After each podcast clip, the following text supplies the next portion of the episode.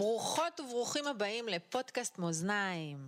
פודקאסט זה עוסק במערכות היחסים השונות שיש לנו בחיים. לתפיסתנו, הכל בחיים מתבסס על מערכות יחסים.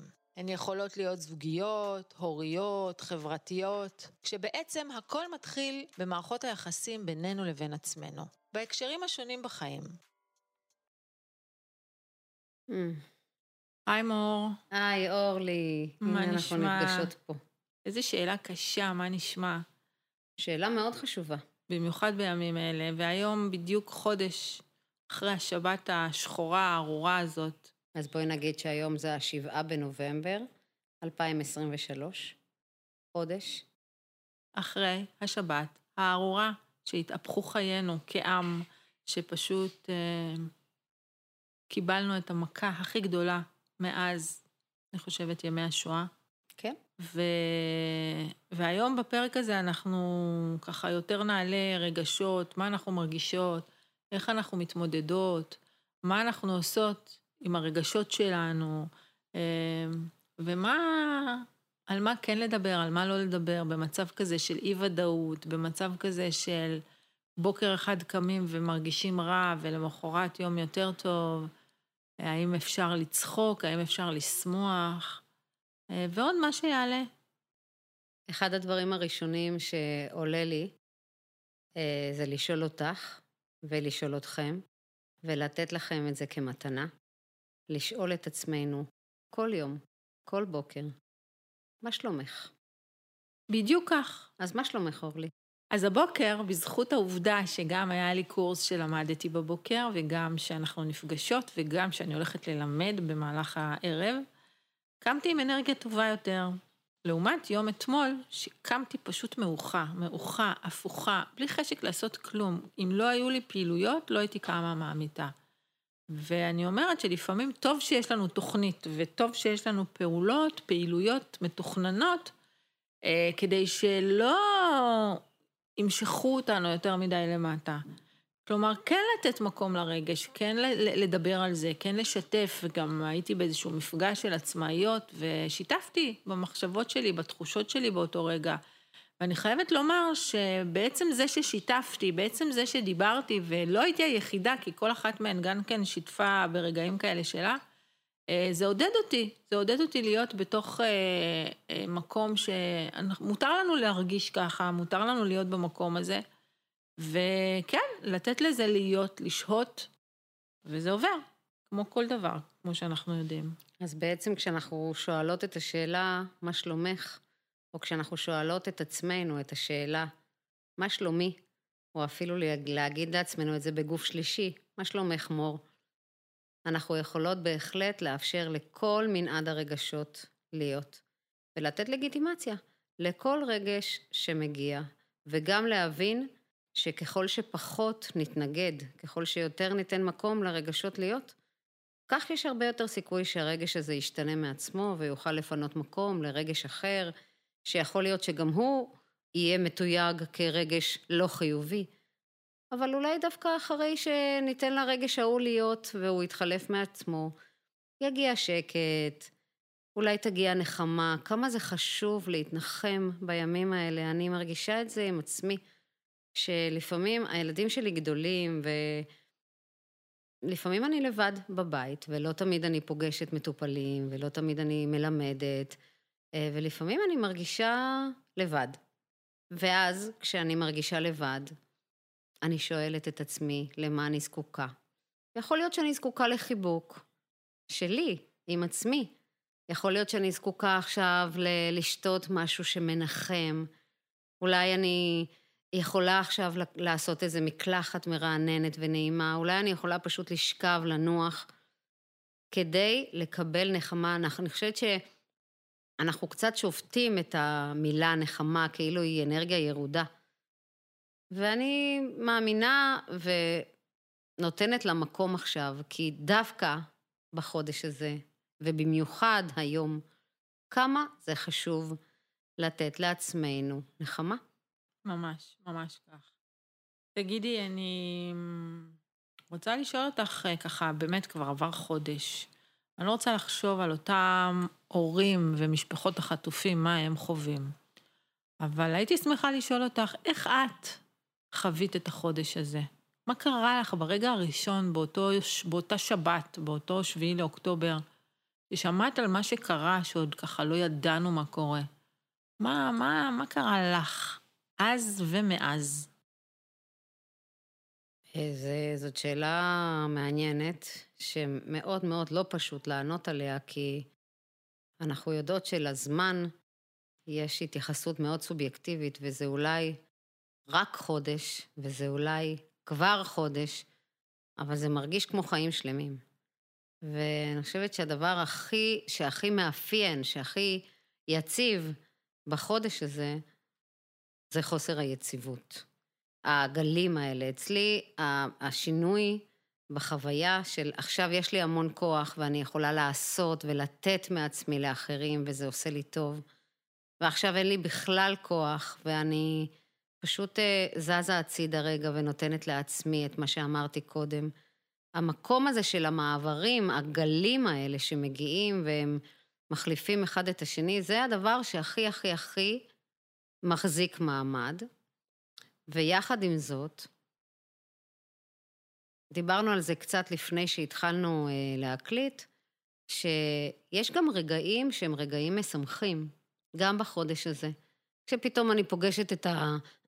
את הנכדות המקסימות, הקטנטנות שלי, ואני מחבקת אותן, כשיש לי איזה ארוחה משפחתית כזאת ואני כן פוגשת את כולם, כשיש לי שיחה טובה עם חברה. ולרוב יכולתי להרגיש לא בנוח עם זה. וכשאת שואלת אותי מה היה בחודש הזה, אז לצד ה... הכאב הבלתי נסבל הזה, ו- וחוסר הוודאות, והפחד, וכל, הר... באמת, כל, כל קשת הרגשות, יש גם רגעים קטנים של שמחה. לצד uh, רגעים קטנים של uh, נינוחות ונשימה. כל זה, זה באמת חיים שלמים בחודש אחד.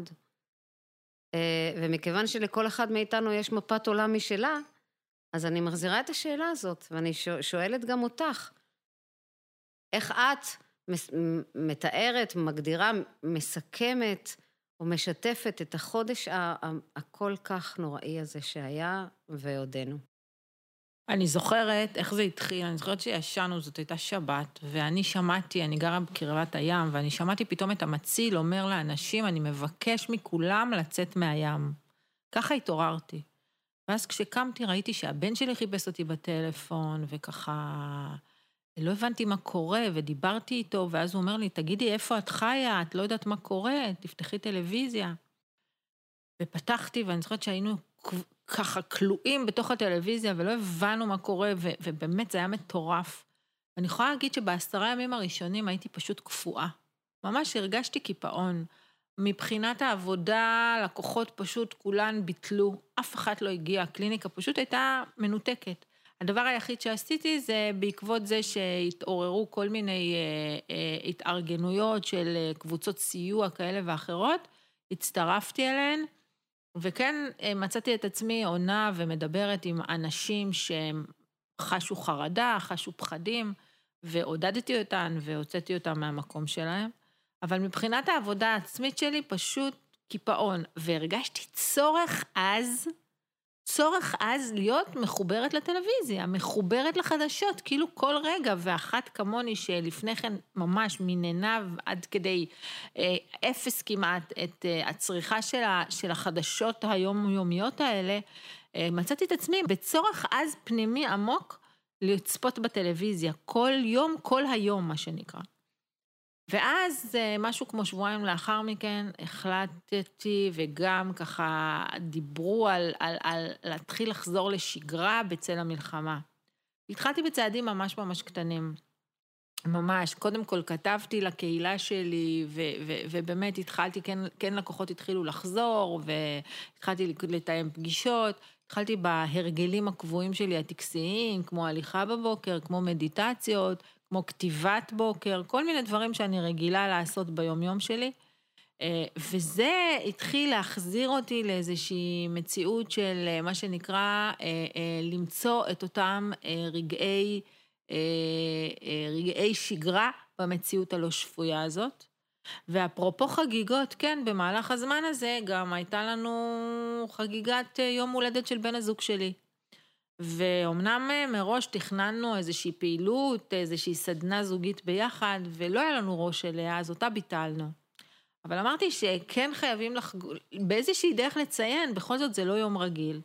וכן, מצאנו את עצמנו יוצאים יחד ללינה של לילה בבית מלון, וארוחה משותפת, ומשהו כזה קצת יותר אינטימי, אה, בלי הרבה רעש ובלי הרבה צעקות והשתוללויות. אבל בכל זאת כן נתנו מקום וציינו את זה. ציינו את היום הולדת, אה, הוא קיבל את הברכות שלו, אה, הייתה לנו, היה לנו רגעים של עונג ושמחה. אה, וכן, נתנו לזה מקום, כי אני חושבת שבאמת החיים שלנו, כמו שאמרת, מור, הם אה, מקום של אה, לתת מקום למנעד הרגשות, מכל הקשת. נכון. פשוט לתת להם להיות. נכון. וזה לגמרי, לגמרי לגיטימי. נכון, ו- ובאמת את צודקת, אני שומעת, וגם את, כי דיברנו על זה גם קודם, שאין מה לעשות, חודש שלם עבר, ולהרבה אנשים יש יום הולדת בחודש הזה, ו... רק הבוקר, ככה ברפרוף היומי של העדכון הקצר ברשתות, כי אני באמת באמת מקפידה כמה שפחות, כי זה פשוט עושה לי רע, זה באמת עושה לי רע, יותר מדי. אה, אבל שמעתי איזה סטורי של מישהי שהיא מטפלת ומנחה ואני מכירה, והופתעתי לגלות שהיא מדברת על זה שבהתחלה היא ממש הרגישה מאוד מאוד אשמה. איך יכול להיות שהיא אה, אוכלת ארוחות אה, מהנות, כשאנשים אחרים, אנחנו יודעות את ההמשך. ואני כאילו שומעת את זה, אנחנו שומעים את זה כל הזמן, אנשים שמאוד מחוברים לרגשות האשם שלהם, שאיך יכול להיות שאני נשארתי והם לא, איך יכול להיות שאני, יש לי את בית ומשפחה ויש לי מיטה ויש לי, ולאנשים אחרים לא. ואנחנו כולנו יודעים שא', האשמה הזאת זה רגש שלא משרת אף אחד, וזה שמישהו ירגיש אשם, שנרגיש אשמים, או שלא מגיע, שאנחנו לא ראויים, זה לא באמת יעזור לאף אחד מהאנשים האחרים ששילמו בחייהם, או שכרגע לא נמצאים עם המשפחות שלהם, או שכבר אין להם בית. ולכן אני חוזרת ואומרת בהקשר של מה שדיברת על היום הולדת של הבן זוג שלך, שכשיש יום הולדת, לא יודעת אם לחגוג זאת המילה, זה כבר משהו שהוא מאוד מאוד אינדיבידואלי, אבל איזה מזל שנולדתם. איזה מזל שנולדנו.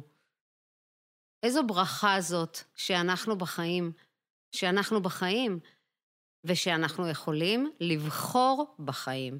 וגם אם כרגע לא נעשה איזו הילולה ענקית ליום הולדת ונצא, כמו שאמרת, לסדנה זוגית או לבת מלון או למסעדה, אבל בטח שכן לציין ולחגוג את ההולדת שלנו.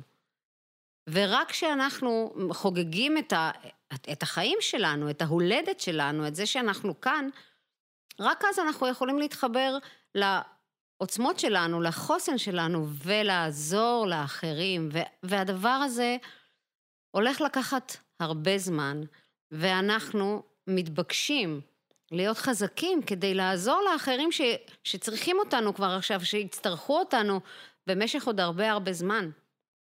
איך אפשר לעזור לאחר כשאנחנו מחוברים לחוסן שלנו, לחוזקות שלנו, לזה שאנחנו בוחרים בחיים, או כשאנחנו בעצם מוותרים על עצמנו, מתחברים ל...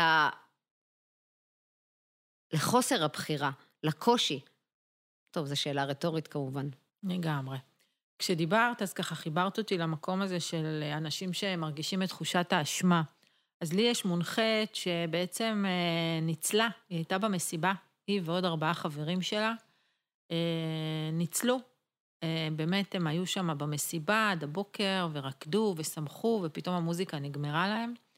והם התחילו לשמוע יריות, והיא פשוט, אה, בשלב הראשון שהיא הייתה, אז היא קודם כל הייתה בטראומה.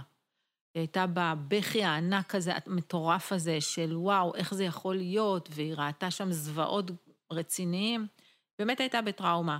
ואחרי ששחררנו אותה וקצת אה, עזרנו לה, וגם הזמן עשה את שלו, אה, מה שקרה לה זה שהיא נכנסה באמת לתחושת האשמה. התחושה הזאת של למה אני הצלחתי לשרוד, למה אני ניצלתי ואיך אחרים לא.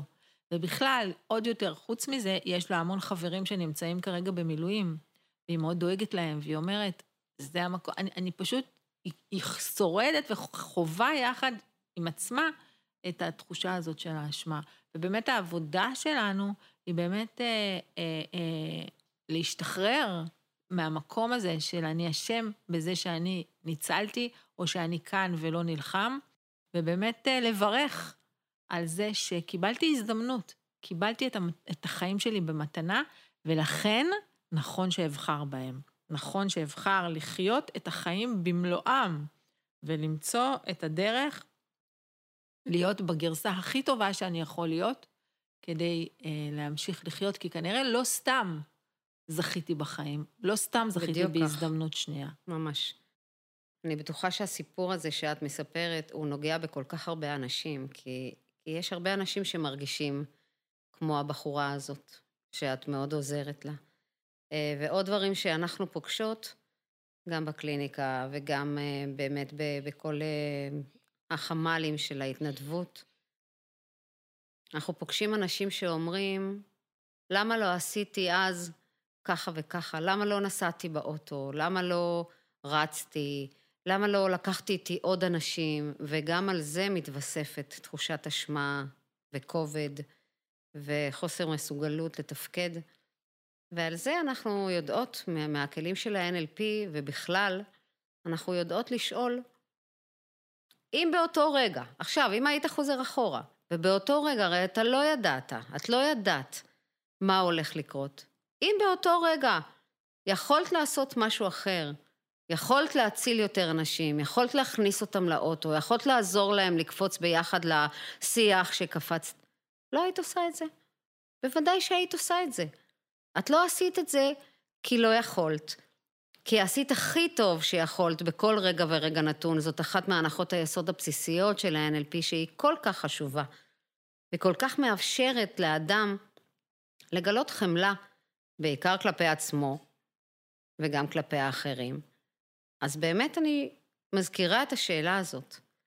אם זה, אם זה מעסיק אתכם עדיין, גם אחרי חודש, תשאלו את עצמכם, באותו רגע נתון, אם הייתי יודעת, אם הייתי יכולה, אם הייתי יכול לעשות יותר טוב ממה שעשיתי, לא הייתי עושה. ברור שכן. הנחת היסוד הזאת שאנשים אה, עושים כמיטב יכולתם בכל רגע נתון, עם כל המשאבים הזמינים להם באותו רגע, זאת באמת הנחת יסוד ש, שבעצם מאפשרת לנו להבין שאנחנו באמת בכל רגע נתון עושים כמיטב יכולתנו. יש לנו משאבים מסוימים באותו רגע, ורק איתם אנחנו יכולים לפעול, לא יותר מזה. וחשוב לזכור שאנחנו באמת לא תמיד יכולים להשפיע או לשנות דברים.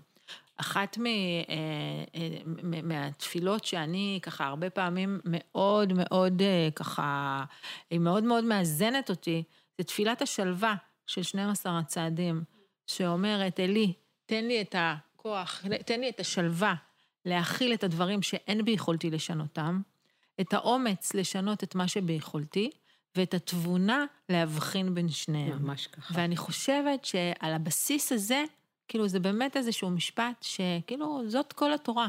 בעצם לא הכל בשליטתנו, לא על הכל אנחנו יכולים להשפיע, וחשוב לקבל את זה. חשוב להבין שאנחנו לא אלוהים, הוא פשוט לא כך, אלוהים. אה, כל כך נכון, את יודעת. וכאן נכנסת גם באיזשהו מקום הענווה הזאת שלנו, שאנחנו זקוקים לה. אנחנו נורא נורא רוצים לעזור, לשנות. אנחנו תמיד כאנשי מקצוע מאוד מאוד רוצים שהמונחים שלנו כאילו יגיעו לאן שהם רוצים, ישיגו את התוצאות הרצויות. וחשוב להבין שלא תמיד זה אפשרי, לא תמיד הם במקום הזה. ואנחנו לא תמיד יכולים לשנות עבורם. וכאן באמת אני אומרת, אנחנו זקוקים לענווה. בהחלט ענווה.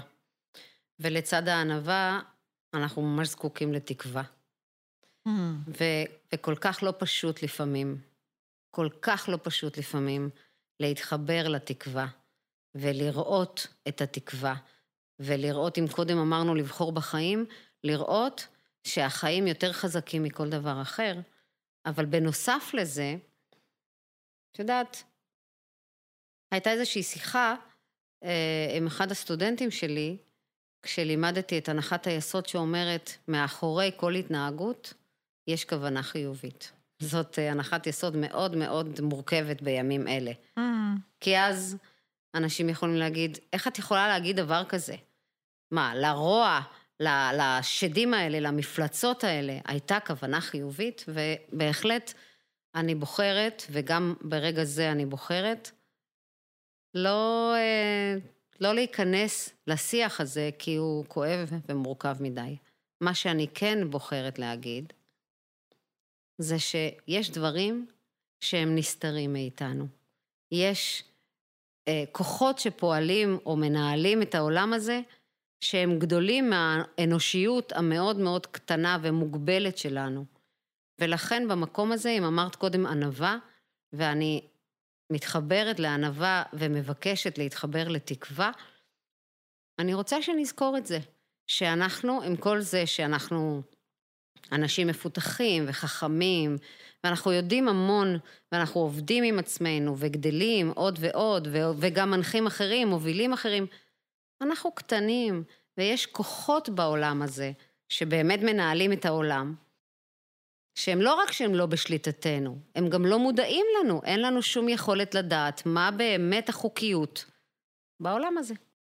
נכון, את יודעת, וזה לוקח אותי ממש, את אומרת תקווה, וזה לוקח אותי למקום הזה שכמו שאנחנו יודעים שבכל רע יש גם איזשהו טוב, אז אפשר גם להסתכל על הטוב הזה שנוצר אה, בעקבות מה שקרה, בעקבות האסון הכל כך נורא הזה. פתאום שמנו לב כמה אזרחים וכמה אנחנו מסוגלים כעם להתאחד ולהתחבר. דווקא לפני כן היינו בשסע כל כך חזק בעם שלנו, שאני כל כך חששתי ממנו, ותמיד הייתי אומרת, השסע והקרע הזה הם דברים הרבה יותר משמעותיים וחזקים מאותם אה, אה, כוחות עוינים מסביבנו ומאותו מאותו אה, פחד קיומי מול איראן וכל מה שקשור מזה. אמרתי, מתוכנו אנחנו נביא לעצמנו את האסון. והנה ביום כזה שקרה לנו האסון הכל כך גדול הזה, כמה התאחדנו, כמה התחברנו, כמה פתאום אנחנו מגלים שיש אהבה ואחדות בין התושבים כאן, בלי קשר להנהגה שלנו, בלי קשר לדעות הפוליטיות שלנו, בלי קשר במה שאנחנו מאמינים או חושבים, פשוט מתוך הצורך לה, להתקיים ולהמשיך את המסורת ואת השושלת שלנו. ואת יודעת, אחד הדברים הכי כל כך אה, מרגשים שקורים, אני, אני לא יודעת עד כמה זה, זה פשוט מדהים בעיניי, שחרדים רוצים להתגייס. זה נשמע כמו חזון אחרית הימים. כמה היינו נגד זה שהם לא מתגייסים, שהם לא הולכים לצבא, ואנחנו משרתים ונלחמים אה, גם עבורם, ופתאום הם רוצים גם לשרת, וזה בעיניי באמת, באמת, באמת אה, מעיד כמה אנחנו עם אחד, כמה יש בינינו חוסן וחוזק. ש, שדואג לאחרים, את יודעת, כמויות האהבה וההתארגנויות הפרטיות ש, שיש מסביב, פשוט מחממות את הלב. פשוט מחממות את הלב, ואני אומרת, אנחנו, הפוקוס שלנו צריך להתמקד בזה, בטוב הזה ש, שנוצר דווקא מהשכול, דווקא מהכאב, דווקא מהעצב, מהאסון, הטרגדיה הכל כך גדולה הזאת שקרתה לנו, והבנו מה באמת באמת חשוב. וזה באיזשהו מקום נותן, שוב, אור, תקווה, שאנחנו הרבה הרבה הרבה יותר ממה שאנחנו חושבים, שאנחנו הרבה יותר חזקים כעם, מאוחדים כעם, ממה שאנחנו חושבים. כן, אני ממש אה, איתך בזה, ומה וה... שאת אומרת עכשיו, ואת מספרת על ההתגלות והרצון החדש הזה של האנשים החרדים, הגברים החרדים, ש... רוצים להתנדב ורוצים להתגייס, זה כמעט כמו נס. וזה מחבר אותי באמת למרחב של הניסים. כי בתוך כל הכאב הזה, וזה עושה לי פשוט דמעות, אין... הקול שלי נשבר? כן. כן. אוף. אבל זה נכון, בתוך, בתוך, ה... בתוך הכאב הנורא הזה יש ניסים, יש ניסים שקורים ואנחנו יכולים... אה, אנחנו יכולים להסכים לראות אותם. ואנחנו יודעים, ויש מחקר ממש מדהים שעשו במלחמת לבנון השנייה, כשבדקו מה קורה למספר הפצועים ולמספר ההרוגים כשיש קבוצות שמתרגלות במקביל מדיטציה. וזה, זה, לא אני ממציאה את זה, זה מחקר, מחקר שמפורסם, שנעשה, אם אני לא טועה, ברמב"ם, שבזמן שאנשים תרגלו מדיטציה או התפללו, שזה לצורך העניין אותו דבר, מספר ההרוגים, מספר הפצועים, קטן. קטן. וכשאנחנו מדברות על מרחב הניסים, אני לגמרי מחוברת למקום הזה שאני מבקשת. אם, אם דיברת קודם על, על, אני לא זוכרת איך קוראים לזה, תפילת השקט. השלווה. תפילת השלווה. אז אני מבקשת את ה, באמת את, ה, את הכוח, את היכולת לעשות, לשבת, לנשום, לשלוח אור, להכניס את החיילים ואת החטופים, שדרך אגב עשו לזה reframing וקוראים להם עכשיו המשוחררים, mm, כדי מקסים, שזה יקרה. מקסים, וואו. בתוך מגן דוד, או בתוך כיפת זהב, או בתוך צינור של אור שכמו דייסון כזה, אני שואבת אותם לפה. וואו. ואני באמת בורג מאוד מאוד קטן, גרגר קטן במערכת, ואני כל כך מאמינה שאני ואת ואתה וכולנו, ככל שנהיה שם, באמת בתדר הזה, אז הניסים ימשיכו לקרות. ממש, ואם את מדברת על זה, אז את יודעת, זה נורא מחבר אותי לטקסים אה, הקטנטנים שיש לנו כל אחד בדרכו. לי יש טקס קבוע, כל בוקר, איך שאני קמה, אני ככה מדליקה נר, אה, מתפללת, מודה, מודה על מה שיש, מתפללת עבור ילדיי, ו... ולאחרונה, מאז המקרה הזה, הוספתי גם תפילה עבור חטופינו וחיילינו, ממש ככה. ובכל אמירה שלי, בכל כתיבה שלי, תמיד אני ככה מברכת ומתפללת ומייחלת לחזרתם של חטופינו וחיילינו בשלום במהרה אה, הביתה בחזרה. וזה ככה הפך להיות כבר משהו, כמין איזושהי מנטרה. מנטרה ש, שמהדהדת כל פעם מחדש עבורי. אז גם בתפילת, גם בבוקר, בהודיה ובהדלקת הנר שלי, וגם בכל דבר שאני כותבת, ואני בהחלט חושבת שההרגלים שלנו האלה, החזרה הזאת לשגרה בצעדים מסוימים, כל אחד במה שמחבר אותו ועושה לו טוב, אני חושבת שזה תורם לנו, גם ברמה האישית, ובטח ובטח ברמה הלאומית, הקהילתית כולה. ממש. אז אולי באמת אפשר... להזמין את עצמנו ו- ואת כל מי שמקשיב, מקשיבה לפרק הזה, למצוא את הדברים שעושים לכם טוב, ועוד יותר מזה, את ההודיה. על מה יש לכם להודות? באמת. על מה יש לכם להודות? על, uh, על מזג האוויר? על uh, זה שיש לכם יכולת בחירה מה ללבוש? על זה שיש יכולת בחירה מה לאכול? על זה שכמו שאמרנו קודם, קיבלתם חיבוק או נתתם חיבוק? או שאתם עושים דברים שמרגישים לכם משמעותיים, תחפשו, תחפשו כל יום, תמצאו כל יום על מה להודות, גם אם זה אותם הדברים כל יום. תמצאו להודות לפחות על שלושה דברים שמתקיימים כל יום, ואפילו בבוקר, כשקמנו, כמו שאת אומרת, אורלי, ובלילה לפני שאנחנו הולכים לישון, איזה שלושה דברים קרו היום, גם אם הם ממש קטנים, שאני יכולה להגיד עליהם תודה. לגמרי. ואם אנחנו מדברים על אה, ככה, מה שנקרא טיפים, כדי אה, להחזיר את עצמנו לאיזושהי שגרה או לרגעי שפיות, אז אה, אני חושבת שאחד הדברים המאוד חשובים הוא גם ש... ואנחנו כל הזמן מדברות על נקודת האיזון ועל איזון ברגשות, איזון במצבים, אז אנחנו חשוב שגם נמנן את ההקשבה שלנו לחדשות. גם אם זה בטלוויזיה, ברדיו, וגם אם זה דרך הרשתות. באמת, אה, אני יודעת שרצו בטלגרם סרטוני זוועות. אני בחרתי לא לצפות בהם, אבל אני יודעת הרבה אחרים שכן צפו. ו, ובכלל, אני חושבת שהמידע מגיע בכל דרך אפשרית, ואנחנו לא נתנתק מהמידע. אבל העיסוק היומיומי הזה, ככל שאנחנו מתעסקות בזה יותר, זה מייצר לנו אה, סטרס, ומשתחרר לנו בגוף קורטיזול, שבעצם אחראי בעצם על, על הסטרס שלנו, על, על מידת המתח והלחץ שלנו, ואני חושבת שדווקא מוזיקה אחרת, מוזיקה שאנחנו אוהבים, גם אם היא שמחה, גם אם מוזיקה ככה מרגיעה, נעימה, יכולה לסייע לנו אה, באמת אה, לייצר איזשהו סוג של איזון, רגעי איזון, כמו שאנחנו יודעים, אין איזון קבוע, אבל רגעי איזון כאלה שבעצם אה, מחברים אותנו קצת יותר אה, לרוגע, לשלווה, לשקט הפנימי, אה, שיכולים לעזור לנו להמשיך הלאה. נכון.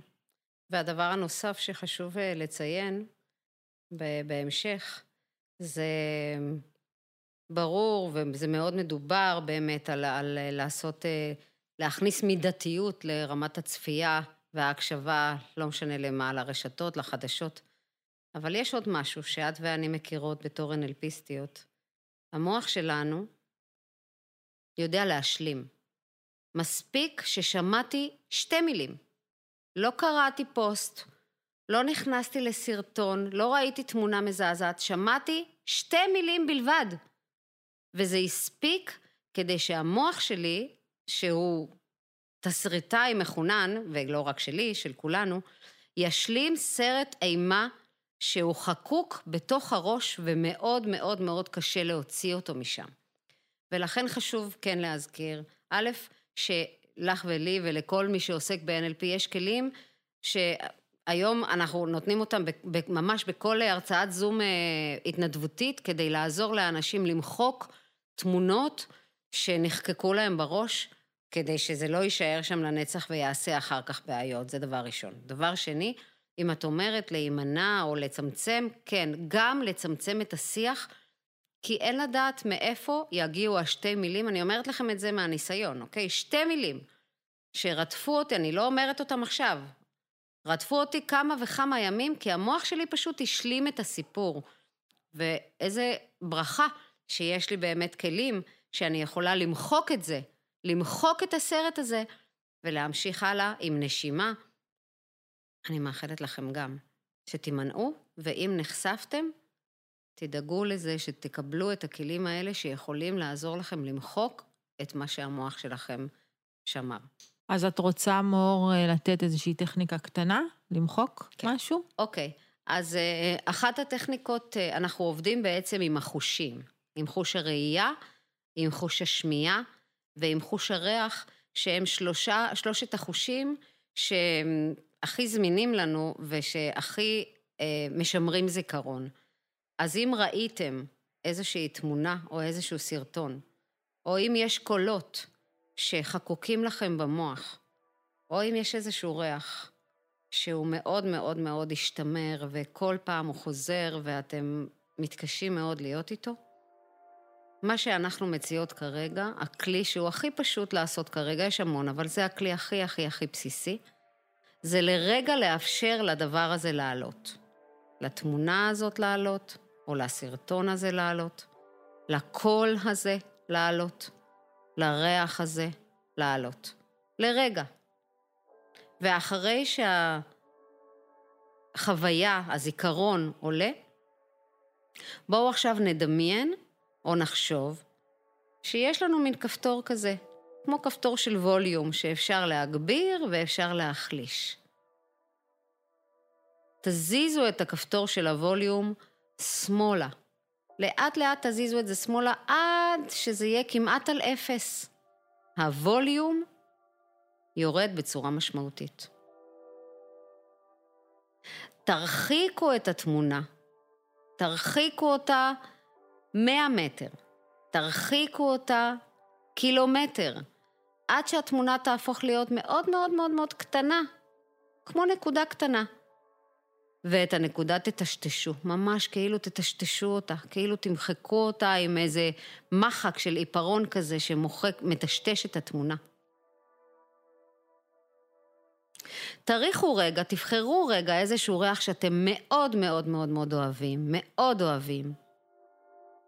תשאפו את הריח הזה אליכם.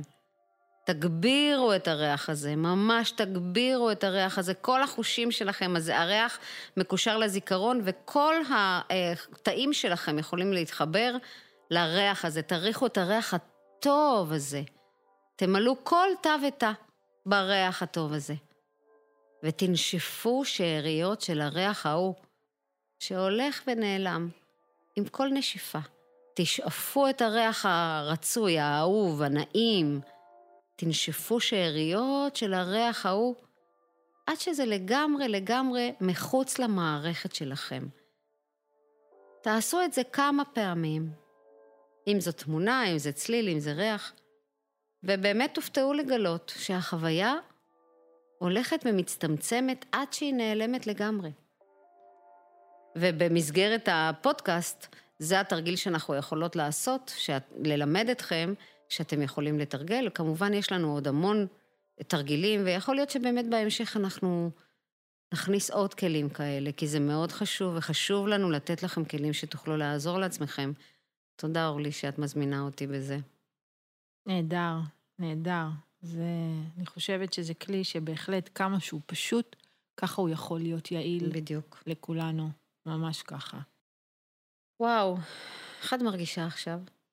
וואו, הרבה יותר טוב, לא יודעת, כיף לי. קודם, קודם כל, כל לדבר, נכון? לדבר, נכון. לשתף, את אמרת את זה בהתחלה, לשתף. נכון, נכון. לדבר, לדבר, להוציא את מה שקורה לי, את מה שאני חושבת, את נכון. מה שאני נכון. מרגישה. ואז לחזור ולשאול, אז איך את מרגישה עכשיו? מה שלומך עכשיו? אז ברגע זה אני מרגישה הרבה יותר אה, משוחררת, וגם אה, ככה עם תקווה. עם תקווה. תקווה לזה שמהמקום הזה, מהמקום הבאמת כואב הזה, אנחנו נצמח. גם בחוויה האישית של כל אחד מאיתנו, וגם אה, כעם. ממש, והמטאפורה שעולה לי, וואו, היא מטאפורה של אה, כמה צמיחה יש אחרי שיערות נשרפים. ואיזו חוויה זו קשה, קשה זאת שיש יער שנשרף, אבל כמה חיים צומחים אחר כך, ואנחנו כבר צומחים. אנחנו כבר צומחים לצד, זה לא סותר, זה לא, זה לא מבטל, לצד האבל, הקושי, הכאב, הכעס, העצב, הפחד, לצד כל אלה, אנחנו כבר צומחים. אם זאת תהיה הבחירה שלנו. ונמשיך ונצמח.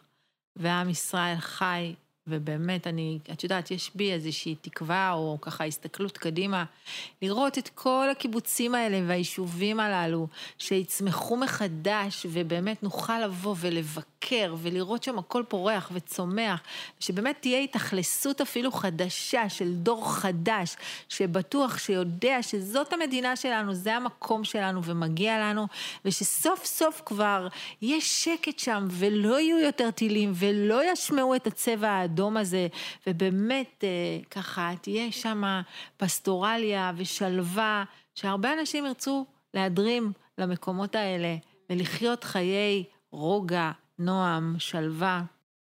כמו שאומרים, כך קורה, ואיזה יופי זה ששינו, עשו לזה reframing ושינו את השם מעוטף עזה לעוטף ישראל. ישראל. ממש, ממש גם בעיניי, זה כל כך אה, ככה מחבר אותי, ממש. טוב, אז uh, הנה עוד פרק אחד עבר. שונה לגמרי ממה שתוכנן. בסדר, ככה זה, ככה גמישות. זה, לגמרי. גמישות זה חלק מהכלים שעומדים לרשותנו. לגמרי. איזה כיף שיש לנו אותנו, ואיזה כיף זה לדבר איתך ולשמוע אותך אומרת וואו. דברים חכמים. גם אותך, כל כך נהניתי. וניפגש פה בפעם הבאה. ונקווה שהפרק הזה ככה יהיה, אה, יועיל, יהיה לעזר להרבה אנשים. אנחנו כמו תמיד מזמינות אתכם להמשיך ולהעביר את זה הלאה לכל מי שאתם חושבים, חושבות שזה יכול להועיל. ואנחנו נהיה כאן בהמשך, באותם נושאים שתכננו, במערכות היחסים וכל מה שדיברנו עליו. אה, וכן, נשתמע. ונגיד תודה להדר דואני. שהוא המפיק שלנו, המפיק המוזיקלי והעורך של הפודקאסט. המדהים, מדע הנפלא שלנו. אז נשתמע. תשתמע.